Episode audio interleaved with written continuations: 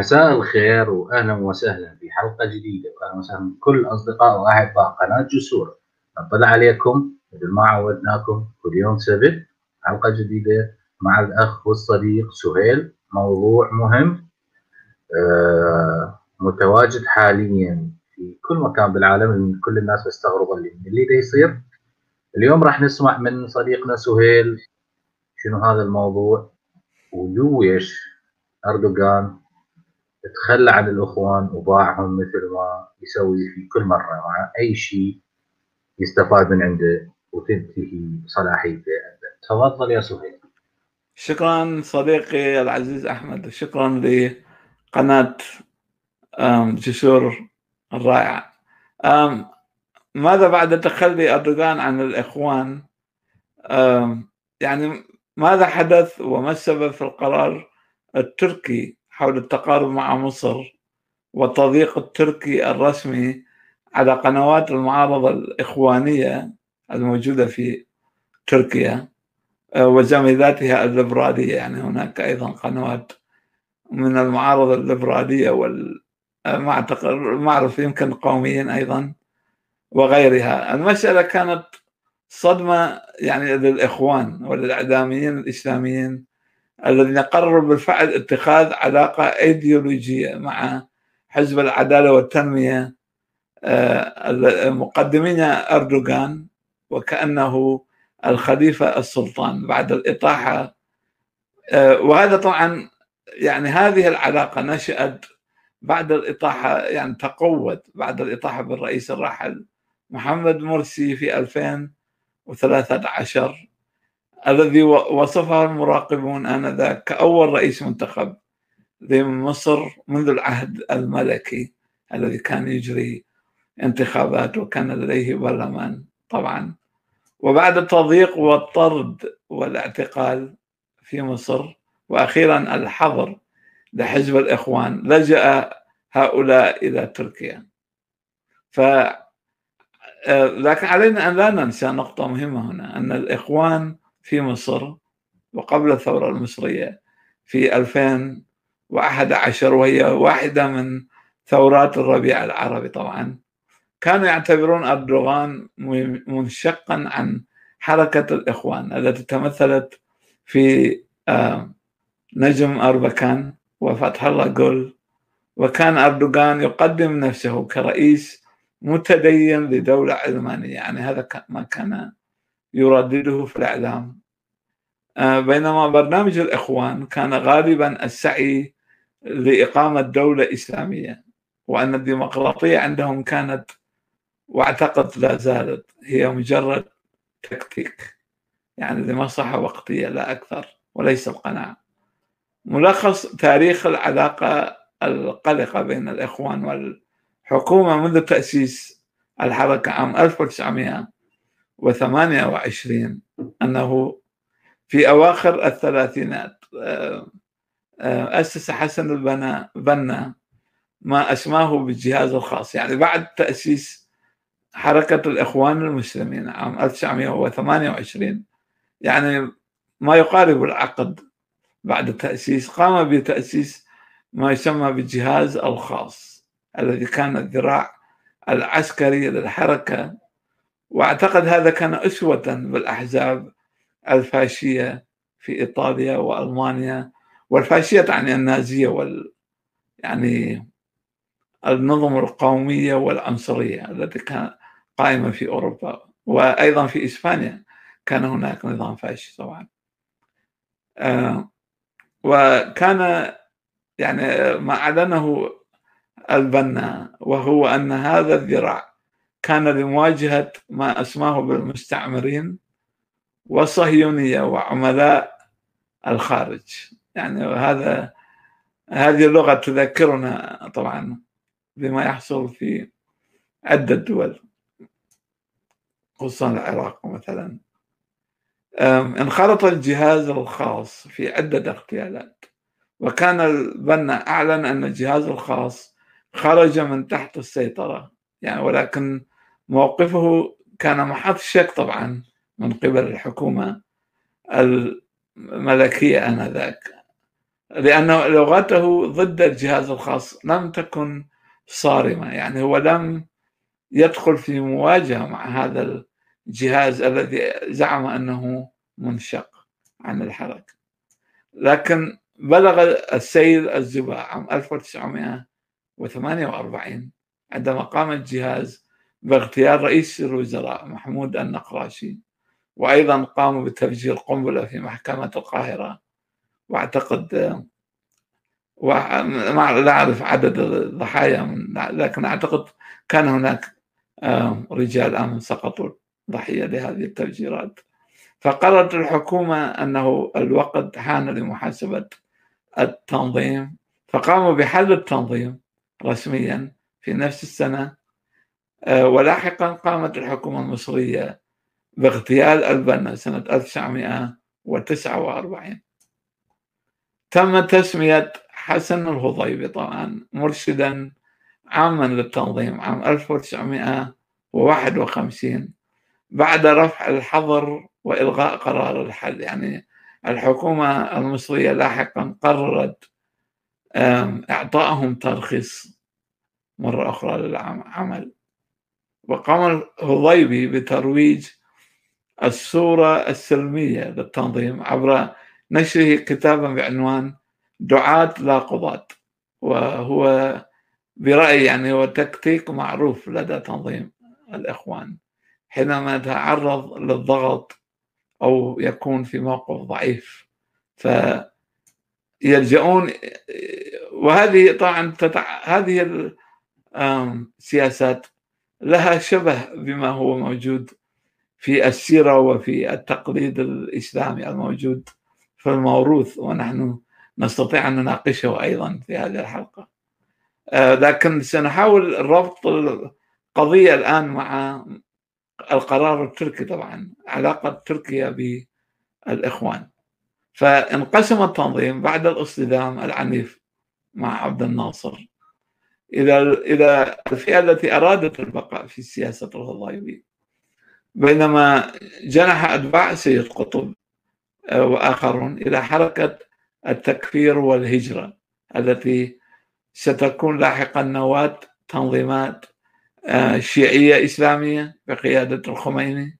يعني هم سيكونون عنصر إلهام للخميني ليس فقط آه، يعني للمجتمعات السنية فقط. ولاحقا أيضا التنظيمات لتنظيمات القاعدة وداعش. أيضا في فترة السادات استطاع الإخوان تقوية حركتهم حيث استعملهم السادات ضد الشيوعيين واليساريين وحاول إرضائهم لكنه آه، السادات يعني سقط صريع مخطط إسلامي إخواني أنهى حياته آه، وكثيرون يقولون أن مصالحته مع إسرائيل وفتحه للعلاقات مع إسرائيل كان يعني القشة التي كسرت ظهر البعير و يعني جعلت هذه العلاقة غير قابلة للاكتمال. لكن الإخوان طبعا عادوا وتلاءموا مع حسني مبارك مثلا. الذي كان لديه علاقات قوية مع إسرائيل. فحسني مبارك اتبع نفس سياسة السادات في ضرب اليساريين والإسلاميين بعضهم ببعض.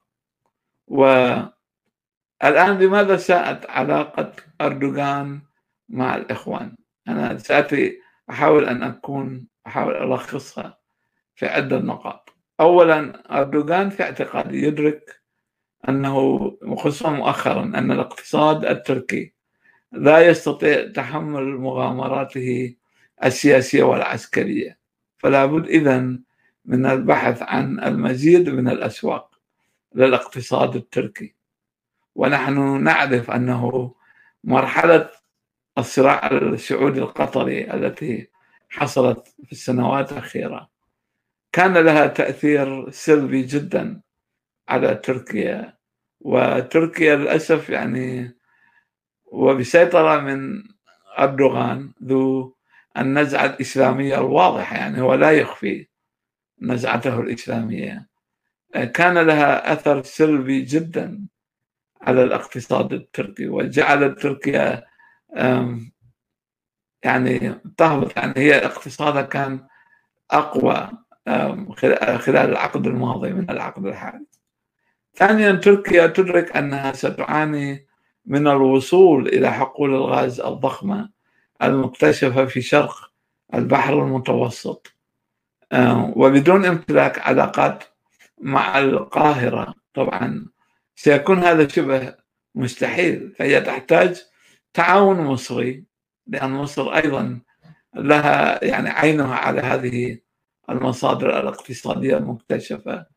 ويجب أن لا ننسى أيضا أنه الاتحاد الأوروبي وإسرائيل منخرطون في نفس الموضوع.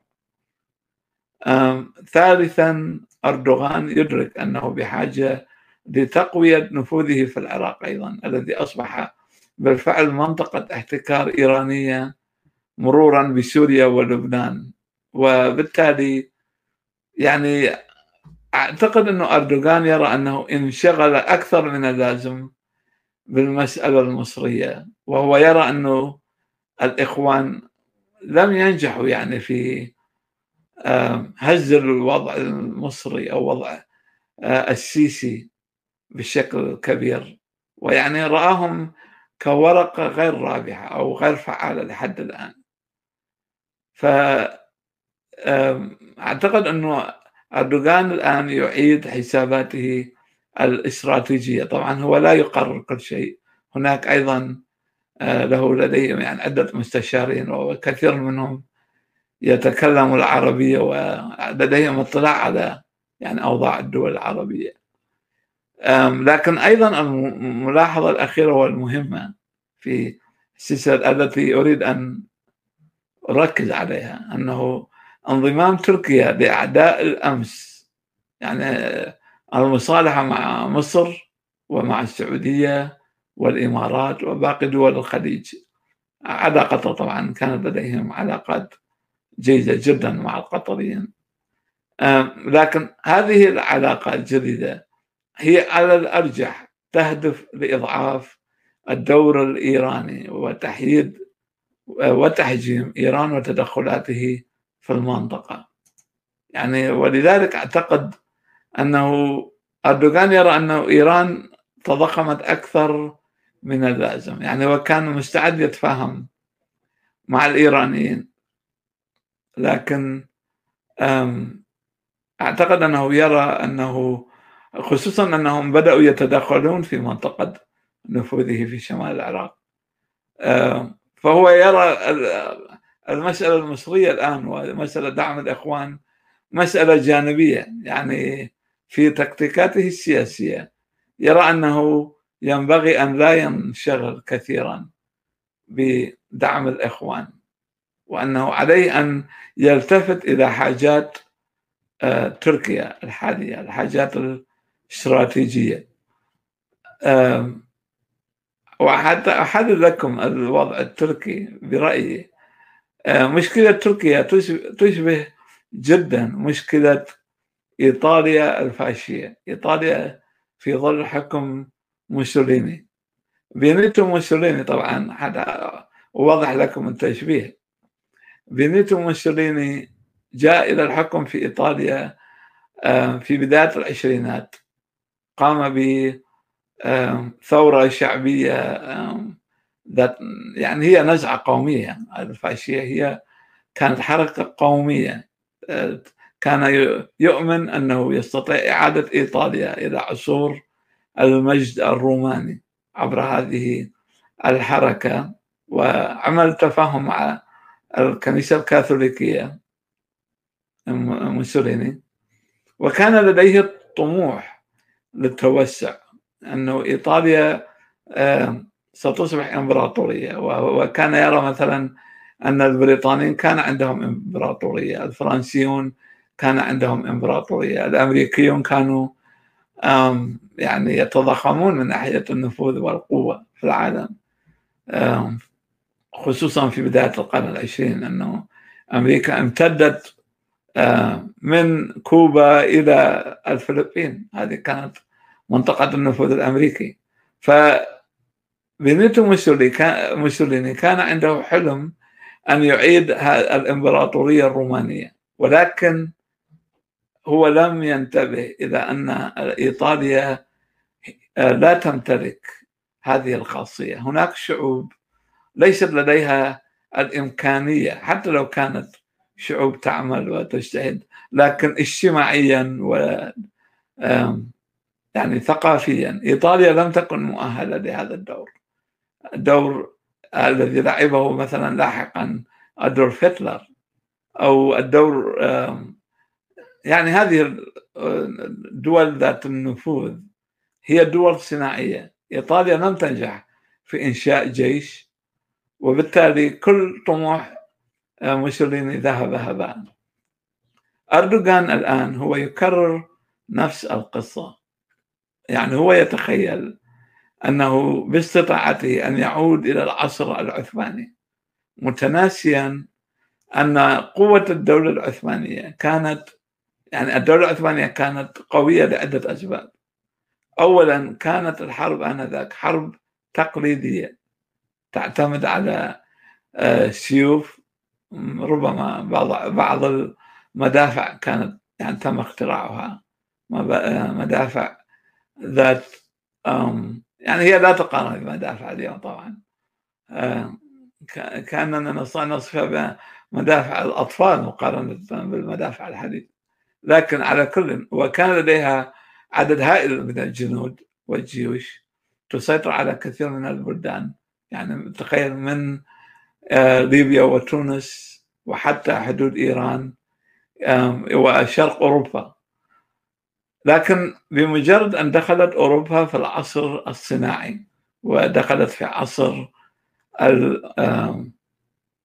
المواطنة وحقوق الإنسان والاختراع والاكتشافات العلمية ومثلا صار هناك اختراعات عسكرية. يعني شوف العلم ليس فقط مسألة السلم واختراع مثلا عندك هاتف أو تلفون أو كمبيوتر لا.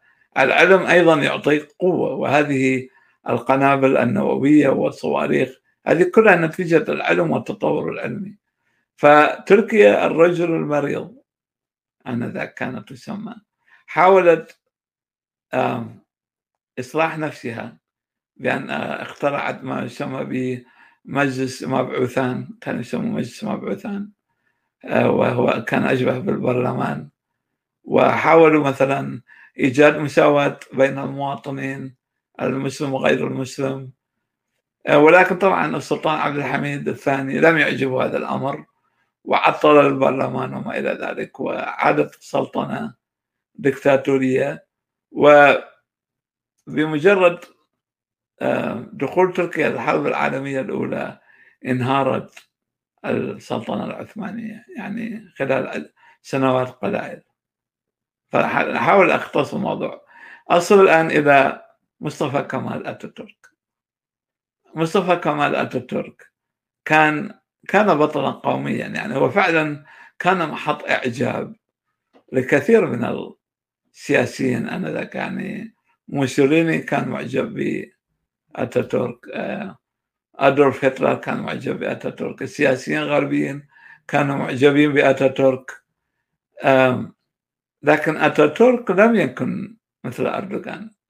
أتاتورك لم يطمح لإعادة المجد العثماني. بالعكس اتاتورك قرر أنه إذا أردت أن أبني أمة تركية حقيقية يعني متطورة يجب أن أتخلص اولا من التقليد الديني يعني هو أخرج الدين نهائيا من السياسة. وثانيا استوحى الدستور السويسري يعني هو كان معجب جدا. شوف هو لم يستوحي الدستور الألماني. أو الفرنسي أو البريطاني لا. هو ذهب إلى الدولة التي أقل الدول دخولا في أي حرب. يعني سويسرا إذا تدرس تاريخها الأوروبي هي نجت من حربين عالميتين. شوف يعني إلى هذه الدرجة دولة ناجحة صغيرة لكنها بقيت محايدة في حربين عالميتين. ولهذا كان كان عين أتاتورك على بناء دولة مسالمة هو الرجل لم يحب أن يدخل في أي حرب مع أي دولة. صحيح هو اقتطع بعض الخلافات الحدودية مع سوريا مثلا لكن هذا يعني شيء تفعله كثير من الدول أنه تريد حدودك أن تكون مريحة و يعني أنت تأخذ ما أنت مقتنع به. لكن الرجل لم يكن رجل حرب رغم أنه كان بطل الحرب العالمية الأولى. يعني هو كان البطل الذي دافع عن غاليبولي آه، ضد الجيش البريطاني آه، ومن هنا جاءت شهرة مصطفى كمال. آه، فلهذا تقارن بين أردوغان وأتاتورك هما ناقضان طبعا.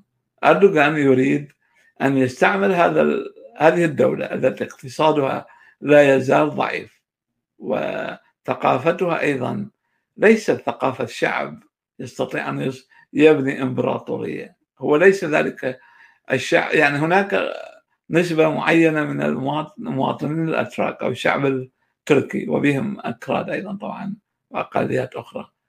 آه، من يقدس العمل ويقدس آه، مثلا القانون ويعمل ويعني يفهم ما هي الحرية الشخصية وما هي حريات الآخرين. لكن غالبية المجتمع التركي لا زالت مجتمع أبوي متدين إلى الآن لا زال متدين. آه، خصوصا إذا تذهب إلى المناطق يعني القرى والنواحي. الشعور الديني قوي جدا. وأردوغان لا يدرك آه، الرجل لا يدرك أن تركيا العثمانية كانت تعاني بسبب هذا التدين أنها لا تستطيع إصلاح نفسها. لأنه آه، هي لا تستطيع أن تفعل ما تفعل ما فعلته الدول الأوروبية أنها حجمت الدين وجعلت الحرية أساس القانون وقداسة المواطن طبعا. ولكن أيضا حتى تحت في ظل ألمانيا النازية الدكتاتورية آه، كان الألمان يقدسون العمل آه، إلى درجة كبيرة و آه، وأيضا أعتقد هناك أسباب طبوغرافية و يعني هي الدولة ذاتها الدولة التركية مصادرها الاقتصادية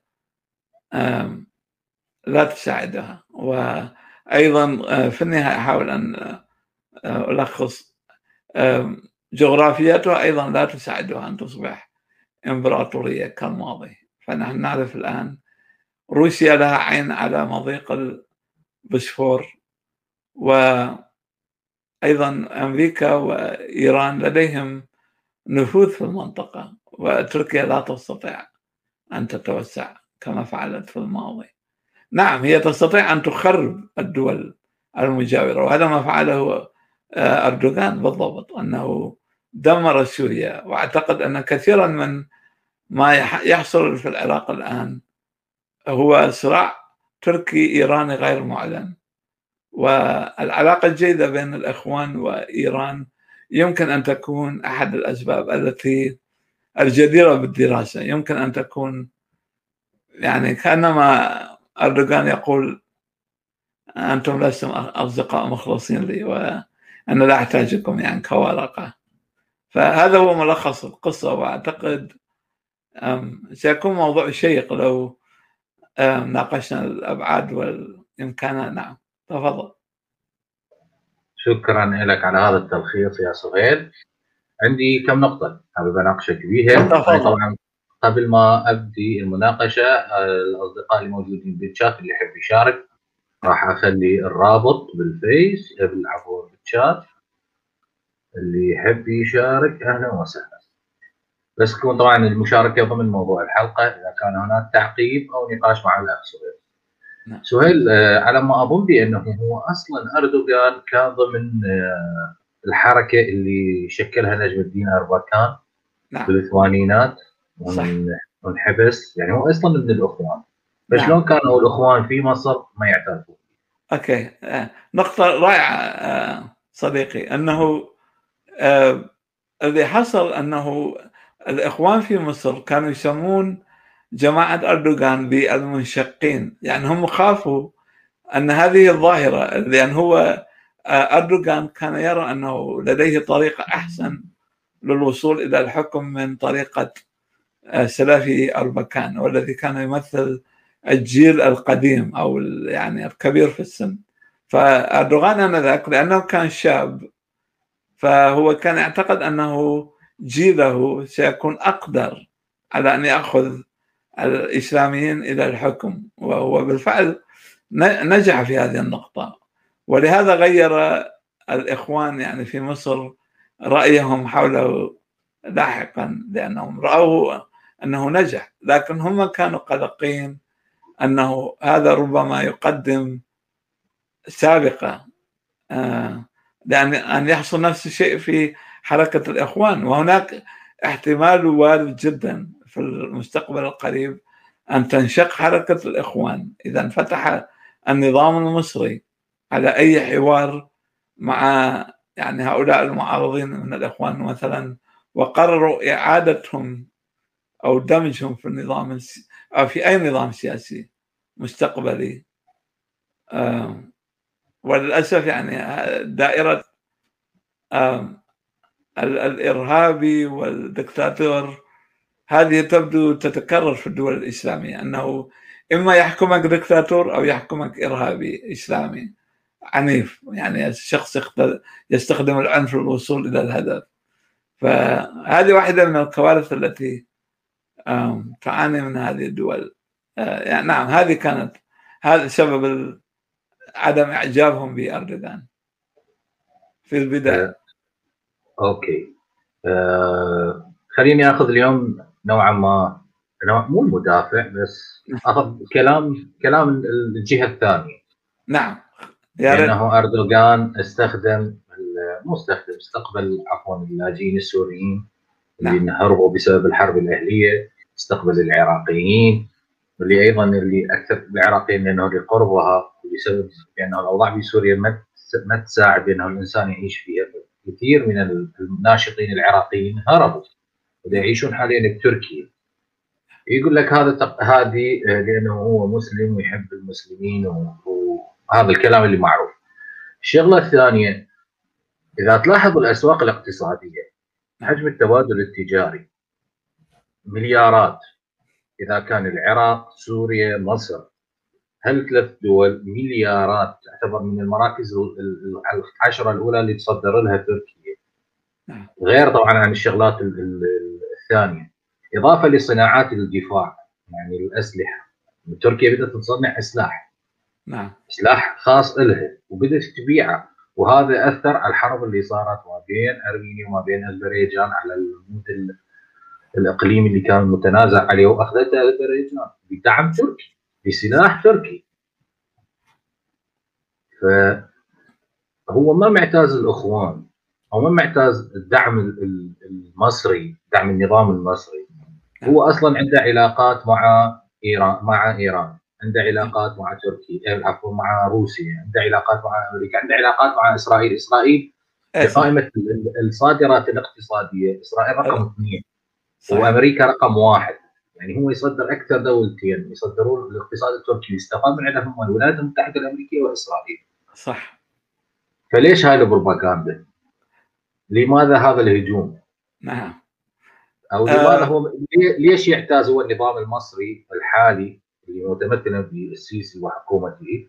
ليش يعتاز بأنه يقدم له تنازلات في سبيل يحصل حليف جديد؟ نعم. تفضل.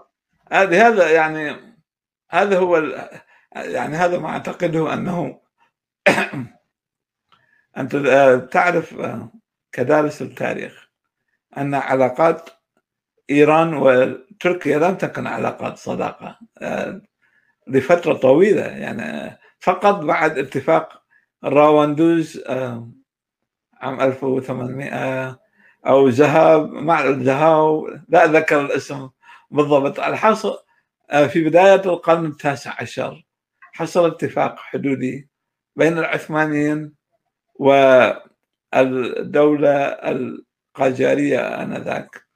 أن آه، وهذا الاتفاق آه، يعني هو كان بداية استقرار الحدود بين الدولتين. ولكن قبل القرن التاسع عشر كان هناك صراع دموي كبير بين آه، السلطان العثماني الذي كان يمثل نفسه يقدم نفسه على أنه حامي السنة المسلمين السنة في كل مكان. كضد للشاه الإيراني الصفوي الذي كان يقدم نفسه كحامي للشيع آه، آه، هذه العلاقة ربما يعني ليس بالضروري تبقى حالة صداقة بين الطرفين. يعني أنه أنا وهذا اعتقادي. أنا أعتقد أنه أردوغان يرى أن الإيرانيين وقد تمادوا. يعني في فيما ربما يرى نفسه أنه حلمه وصداقته ويعني تعاونه مع الإيرانيين خصوصا في الملف العراقي. تعرف العراق هو واحد من أغنى دول المنطقة. يعني العراق فيه زراعة وفيه معادن وفيه نفط وفيه كل شيء وموقعه استراتيجي أيضا. واعتقد أن وخصوصا مؤخرا حصل جدال آه، بين سفراء البلدين في بغداد. يعني حصل حصلت مشادات آه، وتبادل يعني كنوع من التهجم على بعضهم البعض. وأنا أعتقد أنه قصف أربيل و... وتعرف أربيل هي النفوذ مسيطر عليها من أردوغان. هي اسميا أقليم عراقي. واذا هو أقليم مسيطر عليه تركيا يعني تجاريا وعسكريا ومن كل النواحي. فهناك صحيح. آه علاقة حساسة الآن بين البلدين. نعم. ماشي. آه عندي آه سؤال ثاني بس قبلها نذكر أصدقائنا الرابط بالشات اللي يحب يشارك يناقش الأخ سهيل عنده سؤال يطرحه يحب يقدم مداخلة تعقيبا على كلام سهيل. يمكن إحنا غلطنا في بعض المعلومات. يتفضل. أهلا وسهلا. الشات موجود والرابط فيه متاح للجميع. آه، بالنسبة لكلامك في بعض المحللين السياسيين والاقتصاديين بأنه أردوغان هو تغلب على النظام المصري في أكثر من مكان. في المشاكل اللي صارت في ليبيا وقت التصعيد اللي قبل أربعة أو خمسة أشهر اللي بعدين توصلوا إلى اتفاق وأردوغان يعني أو الحكومة التركية اللي متمثلة بأردوغان وعصابته وصلوا للي يريدوه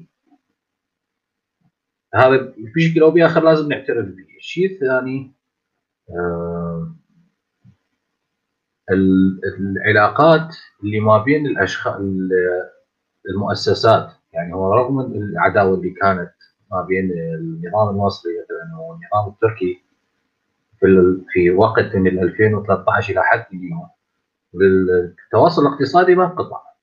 هي كانت حرب سياسية أو مناكفة سياسية بين بينما المشاريع موجودة التصدير موجود. إضافة لهذه أنا ما أظن يعني بأنه تركيا معتازة تحجم الدور الإيراني بالمنطقة أكثر مما هو متحجم أصلا. يعني إحنا نعرف بأنه إيران يعني من معتمدة معتمدة على العراق على سوريا على اليمن كجنود صغار لها. بس كداعميها الأكبر هم فعلا تركيا وروسيا.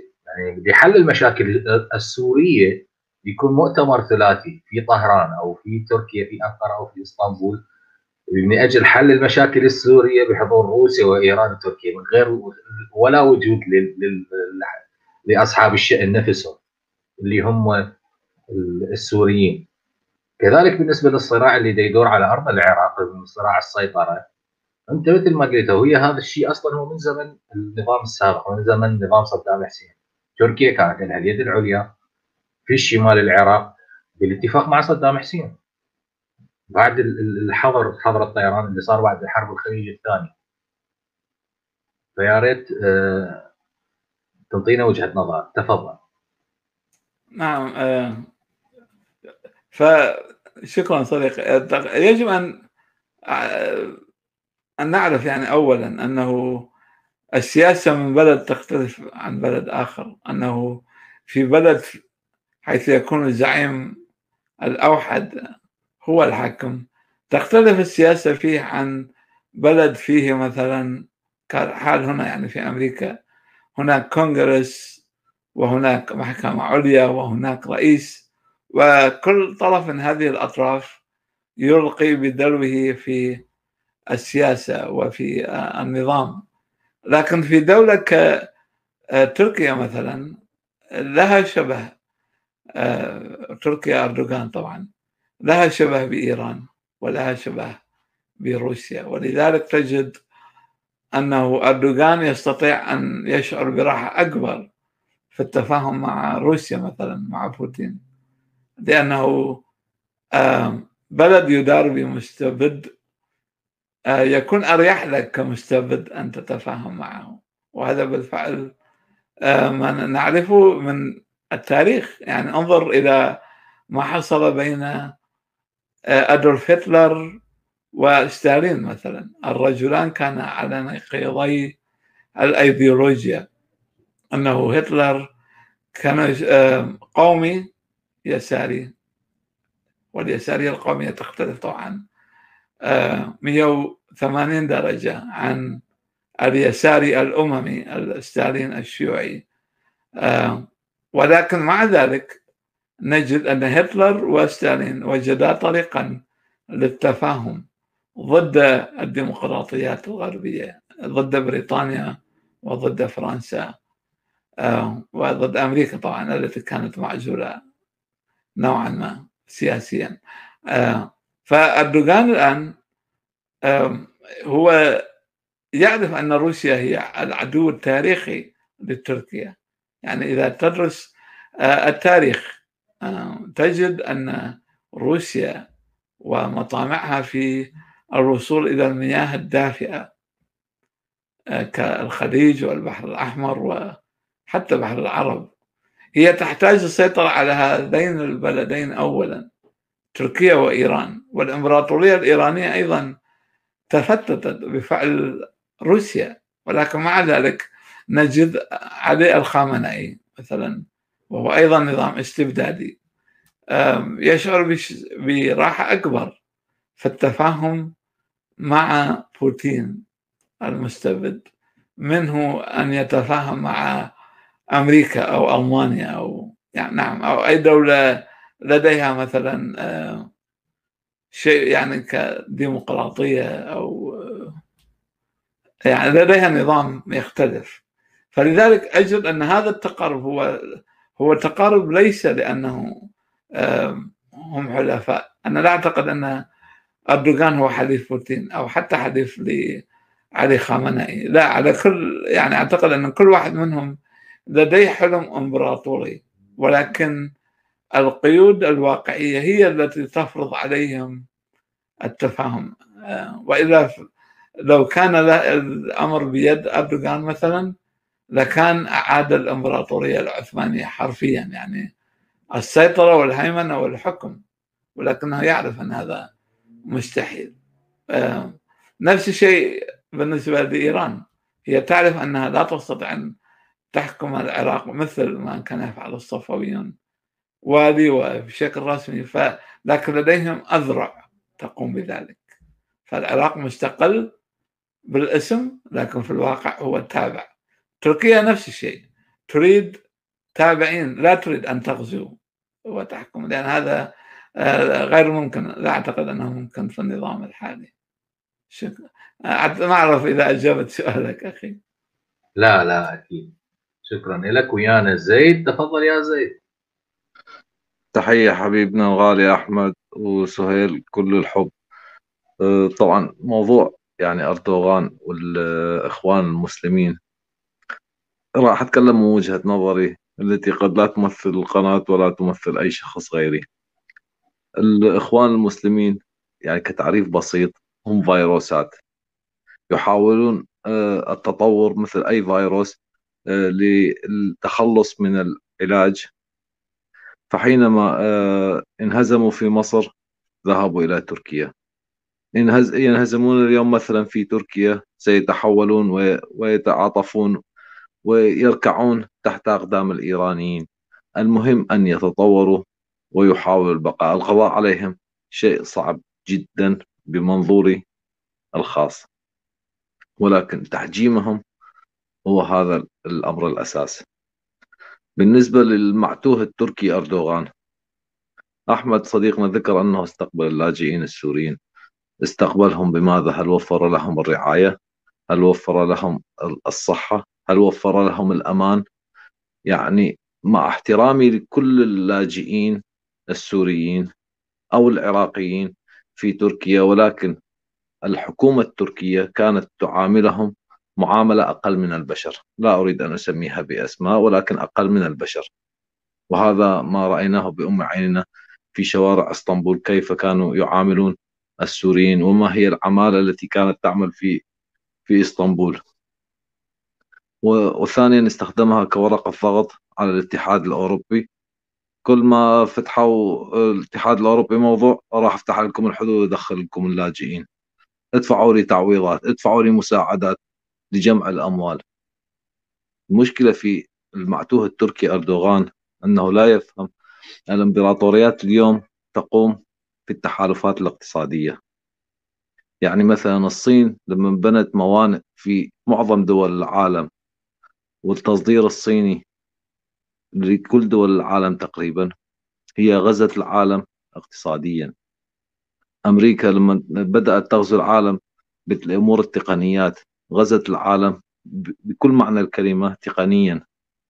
ألمانيا بالصناعات غزت العالم. وهذا الشيء الذي لم يفهمه المعتوه التركي هو فكر أنه بشعار اسم برفع شعار الإسلام سوف يغزو العالم مجرد بالدولار التركي والملابس المقلدة المصنوعة في تركيا. فهل هذا هو فكر إنسان سوي أو يفهم السياسة أو يفهم الاقتصاد؟ لا هو جاء مجرد ليرفع اسم الإسلام ولكنه آه، أهان الإسلام أكثر وأهان الشعب التركي أكثر واليوم الليرة التركية وصلت إلى آه، الدولار وصل إلى حوالي 10 ليرة تركية أي لا قيمة له بعد أن كان قبل قبل جائحة كورونا كان خمسة خمسة ليرة تركية واحد دولار.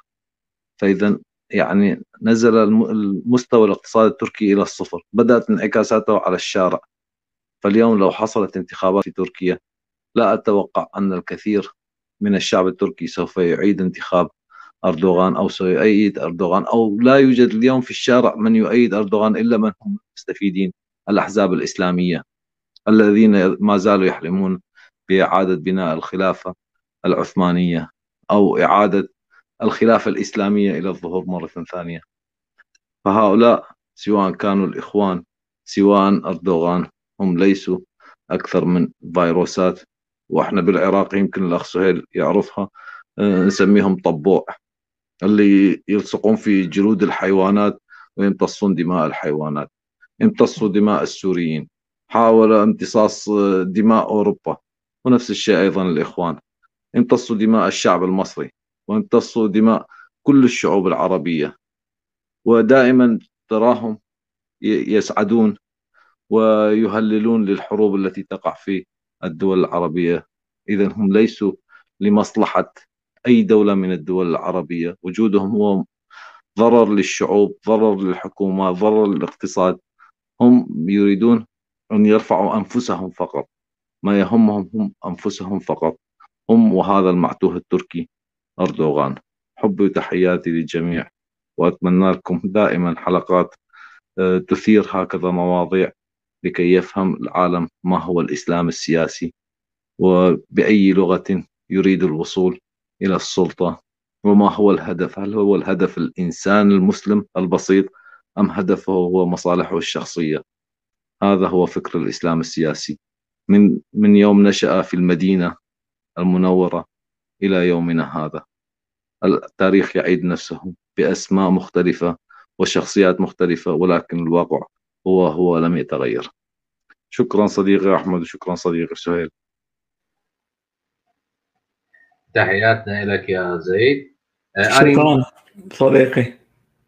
أنا ما قلت بأنه أنا اتخذت الجهة يعني مثلت اليوم الجهة اللي تدافع عن أردوغان يا زيد. يقول لك لا هو فاد الناس هو كذا هو استقبل اللاجئين يعني بس هذا هذه فعليا لأنه أنا كنت عايش هذا الوضع فأنا أعرفه. وأنت تدري فيه يا زيد. فحبيت بس أعقب على هذا. هو كلامي ردا على كلامك حتى يعني الفكرة لا لا توصل أنه آه، أردوغان دافع أو اردوغان حمى. لا اردوغان لم يفعل اي شيء. أنا اعرف قصدك من الكلام بس لإعادة طرح الفكرة من الجهة الثانية أو آه، أنت ارتديت مثلا آه، عمامة المدافع وأنا أرتدي عمامة الادعاء. حاولت أن أعمل يعني كوجهة نظر معاكسه صحيح صحيح. صحيح. بس في ناس ويمكن الصديق سهيل أيضا يأيدني بهذا الموضوع. في ناس مقتنعين بهذا الكلام بانه اردوغان بطل آه، هو اللي استقبل الناس هو اللي سوى كذا هو اللي سوى كذا. فيا ريت يعقب لنا الأخ سهيل على كلام صديقنا زيد تفضل. شكرا صديقي زيد العزيز آه، شكرا صديقي أحمد. آه، في تحديد الشخص يعني أعرف أن الأيديولوجيين سوف يدافعون عن أردوغان دائما يعني. وأنا سأتخيل سيناريو وسترون انه كلامي كيف دقيق من هذه النقطة. السيناريو الذي سيحصل في الوسط الإخواني سيكون الآتي أنه عندما يسلمهم أردوغان لو حصل تسليم يعني رغم أن يعني مستشار أردوغان لا أتذكر اسمه الآن نفى أن يكون يعني هناك أي نقاش بشأن تسليم معارض إخوان معارضين لحكومة السيسي. ما أعتقد أنهم سيفعلونه اي الاخوان أنهم سيشبهون الوضع بما حصل بين محمد والمشركين. أنه عند صلح الحديبية جاء أبو دجانة وهو كان رجل اعتنق الإسلام وجاء إلى محمد فقالوا له أنه أبو دجانه أعتقد هو كان أبو دجانه أن أبو دجانه جاء بعد عقدنا الاتفاق معك فأعده لنا. فدفعه محمد إلى قريش يعني وسلم عدة أشخاص يعني كثيرين. سيستخدمون هذه القصة كتبرير ويقولون أن هذه ضرورة عقائدية وإسلامية خلي أردوغان ضحى بنا. لكن هذا في سبيل الإسلام. فالإخوان كأي مشروع إسلامي ديني هم مشروع موت مشروع شهادة استشهاد كما يسموها. آه ونجد يعني خطابات الإخوان في كل مكان. مثلا في آه حماس حركة حماس. كل ما يقدمونه للشعب الفلسطيني هي مشاريع استشهاد موت. ليس هناك أي مشروع للحياة. ليس هناك لا إصلاح اقتصادي ولا آه، مثلا حتى حركة الإخوان في مصر لم تحاول أخذ السلطة عندما جاءت إلى السلطة كحزب سياسي بل تعاملت آه، كما يقول سيد القمني أنه آه، الإخوان يؤمنون بالديمقراطية مرة واحدة فقط. بمجرد أن يصلوا إلى الكرسي هذا هو تنتهي القصة. آه، في إيران نفس الشيء الإسلاميون جماعة خميني عملوا استفتاء عام 79 قالوا أن الشعب الإيراني أو ثمانية لا أتذكر. أعتقد نعم بين 79 عملوا استفتاء وقالوا أن الشعب الإيراني اختار نظام الحكم الإسلامي. ولا زال هذا النظام قائم إلى اليوم. يعني لا لم يستفت الشعب الإيراني مرة أخرى.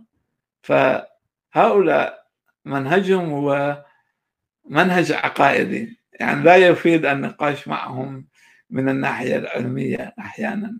ولكن هم الآن في مأزق. بالفعل. لأن أردوغان يتعامل مع الإخوان كأي سياسي يتعامل بال Realpolitik. ال Realpolitik هو السياسة ما كان يسميه بسمارك رئيس وزراء ألمانيا في القرن التاسع عشر بالسياسة الواقعية.